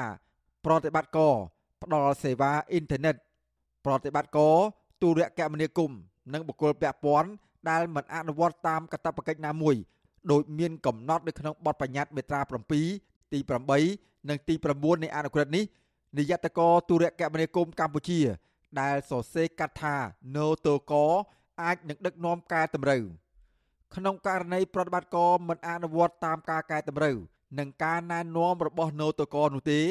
នាយកតកទូរគមនាគមន៍កម្ពុជាអាចចាត់វិធានការដូចជា ដាក់កំហិតលើអាញាបានព្យួរអាញាបានដកហូតអាញាបានស្នើសុំឲ្យបង្កកករណីដោយអនុវត្តស្របតាមច្បាប់ជាធរមាននិងចាត់វិធានការផ្សេងផ្សេងទៀតតាមការចាំបាច់ជាដើមតកតទៅនឹងបញ្ហានេះអ្នកនាំពាក្យគណៈកម្មាធិការសិទ្ធិមនុស្សកម្ពុជា លោកកតាអូន ប្រាប់បទសុអាស៊ីសេរីថាអនុក្រឹត្យថ្មីនេះមិនបានរដ្ឋបិទនិងតាមដានសកម្មភាពរបស់ពលរដ្ឋ នៅក្នុងបណ្ដាញសង្គមនានាដោយការព្រួយបារម្ភរបស់ពលរដ្ឋនិងមន្ត្រីអង្គការសង្គមស៊ីវិលនោះទេលោកបញ្ជាក់ថាអនុក្រឹត្យនេះមានគោលបំណងគ្រប់គ្រងទៅលើស្ថាប័នដែលធ្វើអាជីវកម្មផ្នែកអ៊ីនធឺណិតដើម្បីរកប្រាក់ចំណូលចូលរដ្ឋការពារសន្តិសុខជាតិនិងការពារវប្បធម៌ព្រមទាំងសេចក្តីថ្លៃថ្នូររបស់សង្គមជាតិតែប៉ុណ្ណោះ យើងមើលគោលការណ៍សិទ្ធិមនុស្សគឺយើងមានហើយការប្រើប្រាស់សិទ្ធិមនុស្សយើងមាននៅក្នុងរដ្ឋធម្មនុញ្ញយើងបានចែងហើយថាប្រជាពលរដ្ឋមានសិទ្ធិសេរីភាពគ្រប់បែបយ៉ាងប៉ុន្តែការប្រើប្រាស់សិទ្ធិសេរីភាពរបស់បុគ្គលម្នាក់ៗមិនឲ្យបំពានច្បាប់មិនឲ្យប៉ះពាល់ដល់កិត្តិយសនៃថ្លៃថ្នូររបស់អ្នកដទៃឬសង្គមដូច្នេះបញ្ហាវប្បធម៌ប្រពៃណីនេះវាគ្រាន់តែជាការកំណត់នៅក្នុងគោលការណ៍នៃក្រមសីលធម៌នៃការគោរពការបដិបត្តិគ្នាតែប៉ុណ្ណោះវាអត់មានអ្វីថាត្រូវបកស្រាយទេដូច្នេះអ្វីអ្វីមានចែងនៅក្នុងក្រមព្រំប្រទានហើយលោកបន្តថាអនុក្រឹត្យថ្មីនេះបានចូលជាធរមានហើយក៏ប៉ុន្តែរដ្ឋាភិបាលបានពន្យាពេលអនុវត្តវិញដោយសារផ្ទុះការរាតត្បាតជំងឺ Covid-19 បំផ្លាញខ្លួនថ្មីអូមីក្រុងនៅកម្ពុជា ដែលធ្វើឲ្យពិបាកដល់ការអនុវត្តអនុក្រឹត្យនេះលោកបញ្ជាក់ថារដ្ឋាភិបាលគ្រោងនឹងដាក់ឲ្យប្រើប្រាស់អនុក្រឹត្យនេះក្នុងពេលឆាប់ៗខាងមុខនៅពេលដែលជំងឺ Covid-19 បានធូរស្រាលឡើងវិញ ជុំវិញរឿងនេះអ្នកនាំពាក្យការពារសិទ្ធិមនុស្សអាត6លោកសង្សានករណាសុគិតឃើញថាកន្លងមករដ្ឋាភិបាលមិនទាន់មានអនុក្រឹត្យច្រកទ្វារអ៊ីនធឺណិតនេះផង តែអាជ្ញាធរបានចាប់ខ្លួននិងចោទប្រកាន់សកម្មជននយោបាយនិងអ្នកដែលមានមតិផ្ទុយជាច្រើនអ្នកដាក់ពន្ធនាគាររួចទៅហើយដោយសារតែការលបស្ដាប់កិច្ចសន្ទនារបស់ពួកគេនៅតាមបណ្ដាញសង្គមផ្សេងផ្សេងលោកបញ្ជាក់ថាបើទោះបីជាអនុក្រឹត្យថ្មីនេះល្អយ៉ាងណាក៏ដោយ ប្រសិនបើអាជ្ញាធរកំណត់គោលដៅទៅលើក្រុមណាមួយហើយនោះអាជ្ញាធរអាចបង្កើតបទចោទប្រកាន់ទៅលើពួកគេបានតាមអំពើចិត្ត អញ្ចឹងហើយយើងកាន់តែមានការព្រួយបារម្ភម៉ាស៊ីនជាមានច្បាប់នឹងបន្ថែមទៀតអញ្ចឹងមានហេតុផលជាច្រើនទៀតដែលនឹងផ្ដល់ឱកាសទៅដល់ក្រមអ្នកប្រតិបត្តិច្បាប់ជាពិសេសខាងរដ្ឋាភិបាលហើយនឹងតឡាការនឹងកាន់តែមានហេតុផលនិងមេត្រានៃការចោតប្រកាន់នឹងបន្ថែមទៅទៀតហើយខ្ញុំគិតថាវាធ្វើឡើងដោយភាពត្រឹមត្រូវវាជារឿងល្អប្រសើរក៏ប៉ុន្តែយើងព្រួយបារម្ភក្នុងបរិបទនយោបាយហើយនឹងតឡាការនៅក្នុងប្រទេសកម្ពុជាយើងដែលរងការរិះគន់ទៅលើភាពឯករាជ្យភាពបែបនេះយើងមានការព្រួយបារម្ភទៅលើការអនុវត្តសិទ្ធិកាលពីដើមខែកុម្ភៈក្រមអ្នកជំនាញសិទ្ធិមនុស្សអង្គការសហប្រជាជាតិបានស្នើឲ្យរដ្ឋាភិបាលផ្អាកការអនុវត្តអនុក្រឹត្យស្ដីពីការបង្កើតច្រកទ្វារអ៊ីនធឺណិតជាតិដោយសារពិនិត្យឃើញថាអនុក្រឹត្យនេះធ្វើឡើងដើម្បីគ្រប់គ្រងការតាមដានទិន្នន័យរបស់អ្នកប្រើប្រាស់អ៊ីនធឺណិតពួកគេថាការបង្កើតច្រកទ្វារអ៊ីនធឺណិតជាតិនេះគឺជាការរឹតបន្តឹង ធ្វើឲ្យប៉ះពាល់ដល់សិទ្ធិឯកជន និងសេរីភាពបែបប្រជាធិបតេយ្យនៅកម្ពុជាក្រមអ្នកជំនាញសិទ្ធិមនុស្សរបស់អង្គការសហប្រជាជាតិដដែលព្រមានថាការអនុវត្តអនុក្រឹត្យនេះគឺជាគ្រោះថ្នាក់ព្រោះរដ្ឋាភិបាលអាចតាមដានសកម្មភាពលើប្រព័ន្ធអ៊ីនធឺណិតស្កាត់ចាប់យកនិងការត្រួតពិនិត្យការប្រស័យតាក់ទងតាមប្រព័ន្ធបច្ចេកវិទ្យាមន្ត្រីឃ្លាំមើលការរំលោភសិទ្ធិមនុស្សលោកសឹងសានករណាយល់ថាក្នុងកលៈទេសៈដ៏ចម្រូងចម្រាសបែបនេះ រដ្ឋាភិបាលមិនគួរអនុវត្តអនុក្រឹត្យនេះឡើយដោយរងចាំឲ្យមានគណៈបកប្រឆាំងចូលរួមពិនិត្យនិងកែសម្រួលខ្លឹមសារនៃអនុក្រឹត្យនេះឡើងវិញក្នុងរដ្ឋសភា ដើម្បីបញ្ជាការរដ្ឋបិទសិទ្ធិសេរីភាពរបស់ប្រជាពលរដ្ឋខ្ញុំបាទសេកបណ្ឌិតវុទ្ធុអាស៊ីសេរីពីរដ្ឋធានីវ៉ាស៊ីនតោន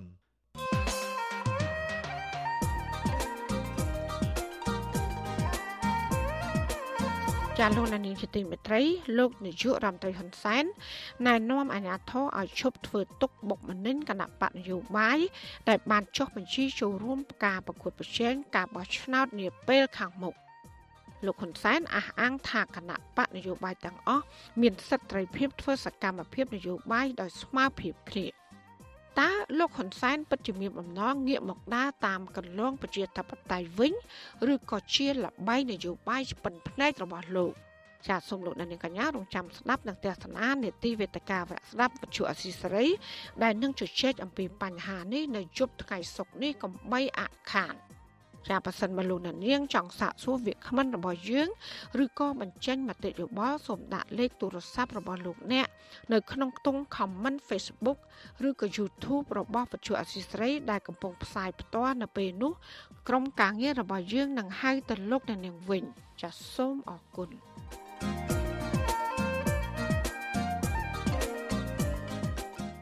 ចចាលោកនានីជាទីមេត្រីអ្នកវិភាគលើកឡើងថាការដោះស្រាយចំនួននយោបាយនៅមីយ៉ាន់ម៉ាឬភូមាมันអាចធ្វើតែម្នាក់ឯងបានទេលុះត្រាតែមានការចូលរួមពីសមាជិកអាស៊ានទាំងអស់ការលើកឡើងរបស់អ្នកវិភាគនេះគឺធ្វើឡើងនៅក្រៅដែលលោកហ៊ុនសែនបានប្រកាសទទួលស្គាល់ថាការដោះស្រាយវិបត្តិនយោបាយនៅភូមាត្រូវជាប់គាំងចាលោកទីនសាការីយ៉ាមានសេចក្តីរាយការណ៍ពុស្ដាជំវិញព័ត៌មាននេះ ក្រុមនៃវិភាគលើកឡើងថាលោកហ៊ុនសែនព្រមងាកមកតាមកន្លងរបស់អាស៊ានរួមវិញលើការដោះស្រាយវិបត្តិនយោបាយនៅមីយ៉ាន់ម៉ាក្រោយពីមេដឹកនាំរបបសឹកមីយ៉ាន់ម៉ាមិនបានទុកមុខឲ្យលោកបន្ទាប់ពីបានព្រមព្រៀងគ្នាកន្លងមកអ្នកខ្លំមើលផ្នែកអភិវឌ្ឍសង្គមអតីតសេនស៊ូរីមានប្រសាសន៍ថាលោកនាយរដ្ឋមន្ត្រីហ៊ុនសែនព្យាយាមដោះស្រាយវិបត្តិនយោបាយនៅមីយ៉ាន់ម៉ាដើម្បីបំពេញចិត្តចិនក៏ប៉ុន្តែការព្យាយាមរបស់លោកហ៊ុនសែនចង់ដោះស្រាយចំនួននយោបាយនៅភូមាជាឯកតោភាគីនេះមិនបានសម្រេចឡើយលើសពីនេះ លោកហ៊ុនសែនក៏ទទួលរងការរិះគន់ពីសមាជិកអាស៊ានផង និងពីសហគមន៍អន្តរជាតិផង បើយើងឆ្លុះប្រចាំងពីមុំមួយខ្ញុំគិតថាអានឹងវាអាចឆ្លុះប្រចាំងពីការបរាជ័យក្នុងនាមជាប្រធានអាស៊ាននៅក្នុងការដោះស្រាយបញ្ហាក៏ប៉ុន្តែមួយទៀតហ្នឹងក៏បង្ហាញអំពីអំពីការផ្ដួចផ្ដើមនៅគំនិតថ្មីដែរក៏ប៉ុន្តែត្រូវបានបដិសេធដោយអាស៊ានដូច្នេះអាស៊ានត្រូវប្រើប្រាស់យន្តការដើមរបស់ខ្លួនក្នុងការដោះស្រាយបញ្ហាក៏ប៉ុន្តែទោះបីយ៉ាងណាក៏ដោយការដោះស្រាយបញ្ហាកម្រិតតំបន់អាស៊ាននេះគឺបើយើងមើលយន្តការអាស៊ានដោះស្រាយបរាជ័យច្រើនរឿងណាស់ហើយជាពិសេសហ្នឹងត្រូវការពេលវេលាយូរណាស់លោកហ៊ុនសែនទទួលស្គាល់ថាវិបត្តិនយោបាយនៅមីយ៉ាន់ម៉ាស្ថិតនៅក្នុងភាពតានតឹងដដែលលោកហ៊ុនសែនថ្លែងនៅចំពោះមុខឯកអគ្គរដ្ឋទូតជប៉ុនប្រចាំកម្ពុជាកាលពីថ្ងៃទី16កុម្ភៈក្នុងពិធីសម្ពោធស្ពាននៅអាខេត្តក្រចេះថាសភាពការរបស់មីយ៉ាន់ម៉ាអត់មានអ្វីប្រែប្រួលទេចាប់តាំងពីលោកទៅធ្វើទស្សនកិច្ចផ្លូវការនៅមីយ៉ាន់ម៉ាកាលពីថ្ងៃទី7និងថ្ងៃទី8មករារហូតមកដល់ពេលនេះលោកហ៊ុនសែនអះអាងថាការបន្តភាពជាប់គាំងនេះដោយសារភាគីពាក់ព័ន្ធរបស់មីយ៉ាន់ម៉ាខ្លួនឯង ដែលបានប្រឆាំងវត្តមានរបស់លោកនិងបានជេរប្រមាថលើរូបលោកថែមទៀតផងលោកហ៊ុនសែនក៏ប្រតិកម្មទៅអ្នកដែលបានស្ដីបន្ទោសថាដំណើរទស្សនកិច្ចទៅកាន់មីយ៉ាន់ម៉ាគឺជានយោបាយការទូតប្រថុយប្រឋានដែរបន្ថែមពីនេះលោកបានចោទជាសំណួរក្នុងន័យការពារខ្លួនថាតើមាននរណាស្លាប់ដោយសារដំណើរទស្សនកិច្ចរបស់លោកហើយឬនៅ។ ឥឡូវវាស្ថិតនៅក្នុងស្ថានភាពធ្វើក៏ខុសមិនធ្វើក៏ខុសឥឡូវវាអញ្ចឹងបើថាគេមិនចង់ធ្វើយើងក៏មិនព្រួយនឹងហត់ព្រោះឥឡូវទៅយកគោទៅដាក់មុខអតេះឥឡូវទៅមិនទៅមុខរួចប៉ុន្តែសូមបញ្ជាក់នៅសល់តែ10ខែថ្ងៃនេះ16 10ខែ14ថ្ងៃទៀតទៅវិញជាប់ភារកិច្ចសូមជួយប្រធានក្រោយធ្វើហ្នឹងបើវាពិបាកពេកបើវាពិបាកពេកលន់សែនហាក់សម្ដែងការអស់ចិត្តលើការព្យាយាមដោះស្រាយចំនួននយោបាយនៅមីយ៉ាន់ម៉ានេះនៅក្រៅពីមេដឹកនាំរដ្ឋប្រហារមីយ៉ាន់ម៉ាលោកមីនអងឡាំង មិនគោរពតាមសំណើ4ចំណុចរបស់លោកជាថ្មីទៀតកាលពីចុងខែមករាបន្ទាប់ពីលោកបានទៅធ្វើទស្សនកិច្ចជួបមេដឹកនាំរបបផ្សឹកដោយផ្ទាល់នៅឯប្រទេសមីយ៉ាន់ម៉ាកាលពីដើមខែមករានោះសំណើទាំង4ចំណុចរួមមានស្នើឲ្យមេដឹកនាំរដ្ឋប្រហារអនុវត្តឲ្យបានគោលការណ៍ទាំង5ចំណុចរបស់អាស៊ានស្នើឲ្យបង្កលក្ខណៈល្អឲ្យប្រសិទ្ធពិសេសចូលទៅធ្វើទស្សនកិច្ចនៅមីយ៉ាន់ម៉ាត្រូវបញ្ឈប់នៅរាល់អំពើហិង្សាបទឈប់បាញ់និងត្រូវផ្ដល់ការសហការជាមួយបណ្ដាប្រទេសជាសមាជិក ក្នុងការផ្ដល់ជំនួយមនុស្សធម៌ដល់ពលរដ្ឋមីយ៉ាន់ម៉ាជាដើមទោះបីជាមេដឹកនាំរបបផ្សឹកធ្លាប់បានព្រមព្រៀងជាមួយលោកហ៊ុនសែនលើបទឈប់បាញ់រុចទៅហើយក៏ដោយតែរបបផ្សឹកមិនអនុវត្តតាមឡើយក្រោយពីលោកហ៊ុនសែនត្រឡប់មកកម្ពុជាវិញមិនបានស្រួលបួលផងកាលពីដើមខែមករារបបផ្សឹកនៅតែបន្តទម្លាក់គ្រាប់សម្រាប់ជនស៊ីវិលដដែល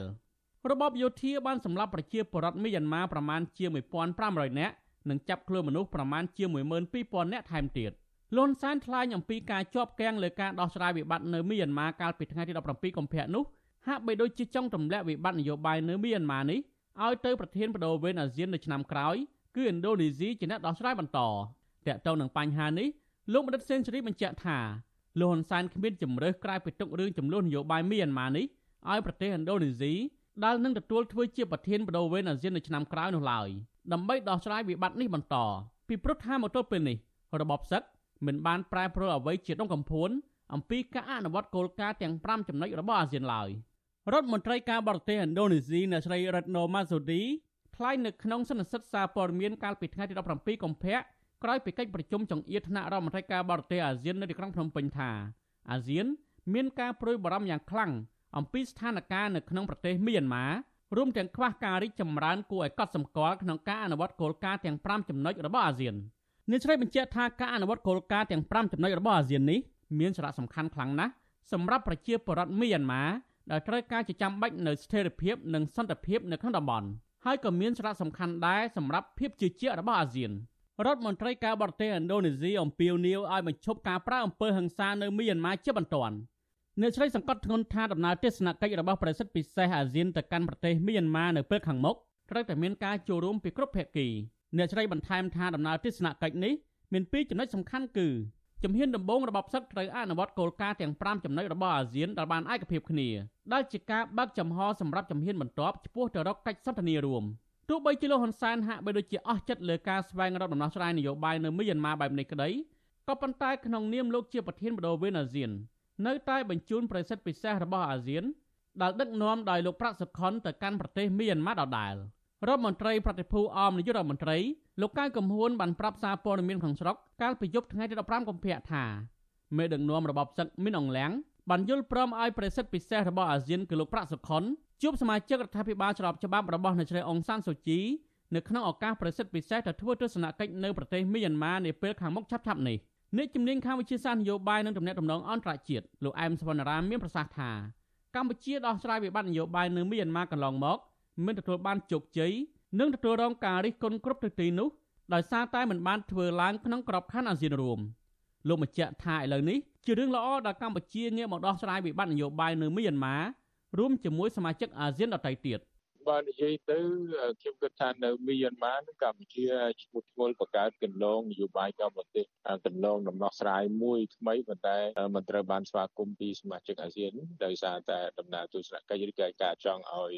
រដ្ឋាភិបាលយោធានេះចូលរួមដោយរដ្ឋាភិបាលយោធាពុំទាន់អនុវត្តតាមគោលការណ៍5ចំណុចដែលអនុម័តនៅទីក្រុងសាកាតាថ្ងៃ24មេសាឆ្នាំ2021នៅឡើយទេអញ្ចឹងដូច្នេះបើសិនបើកម្ពុជានៅ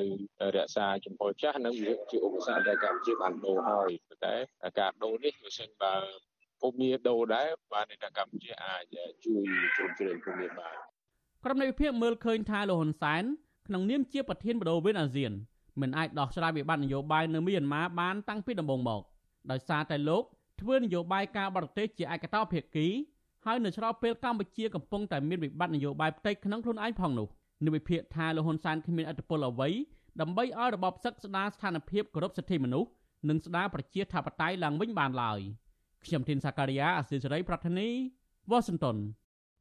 thank you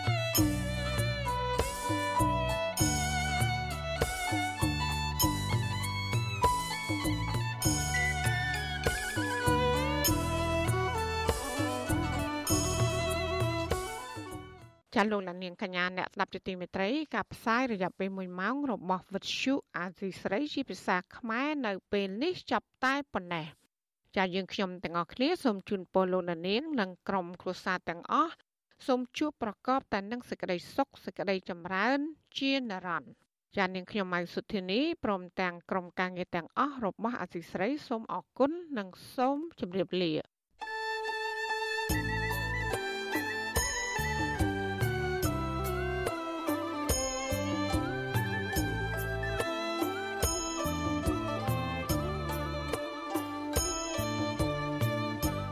ទ្យុអេស៊ីសេរីផ្សាយតាមរលក ធាតុអាកាសខ្លីឬ short wave តាមកម្រិតនិងកម្ពស់ដូចតទៅនេះពេលព្រឹកចាប់ពីម៉ោង5កន្លះដល់ម៉ោង6កន្លះតាមរយៈរលក ធាតុអាកាសខ្លី9390 kHz ស្មើនឹងកម្ពស់ 32m និង11850 kHz ស្មើនឹងកម្ពស់ 25m ពេលយប់ចាប់ពីម៉ោង7កន្លះដល់ម៉ោង8កន្លះតាមរយៈរលក ធាតុអាកាសខ្លី 9390 kHz ស្មើនឹងកម្ពស់ 32m និង15155 kHz ស្មើនឹងកម្ពស់ 20m លោកអ្នកនាងក៏អាចស្ដាប់ការផ្សាយផ្ទាល់តាមប្រព័ន្ធអ៊ីនធឺណិតដោយចូលទៅកាន់គេហទំព័រ www.rfa.org/ ខ្មែរក្រៅពីនេះលោកអ្នកនាងក៏អាចអាននិងទស្សនាព័ត៌មានវិទ្យុអេស៊ីសេរីលើទូរស័ព្ទដៃរបស់លោកអ្នកផ្ទាល់ សូមលោកអ្នកនាងចូលទៅកាន់បណ្ដាញសង្គម Facebook ដែលមានអាសយដ្ឋាន www.facebook.com/rfa.cambodia និង YouTube www.youtube.com/rfa ខ្មែរ video សូមលោកអ្នកនាងចុច like និងចុច subscribe ដើម្បីទទួលបានព័ត៌មានថ្មីៗទាន់ហេតុការណ៍និងទស្សនាវីដេអូផ្សេងៗទៀតបានគ្រប់ពេលវេលា។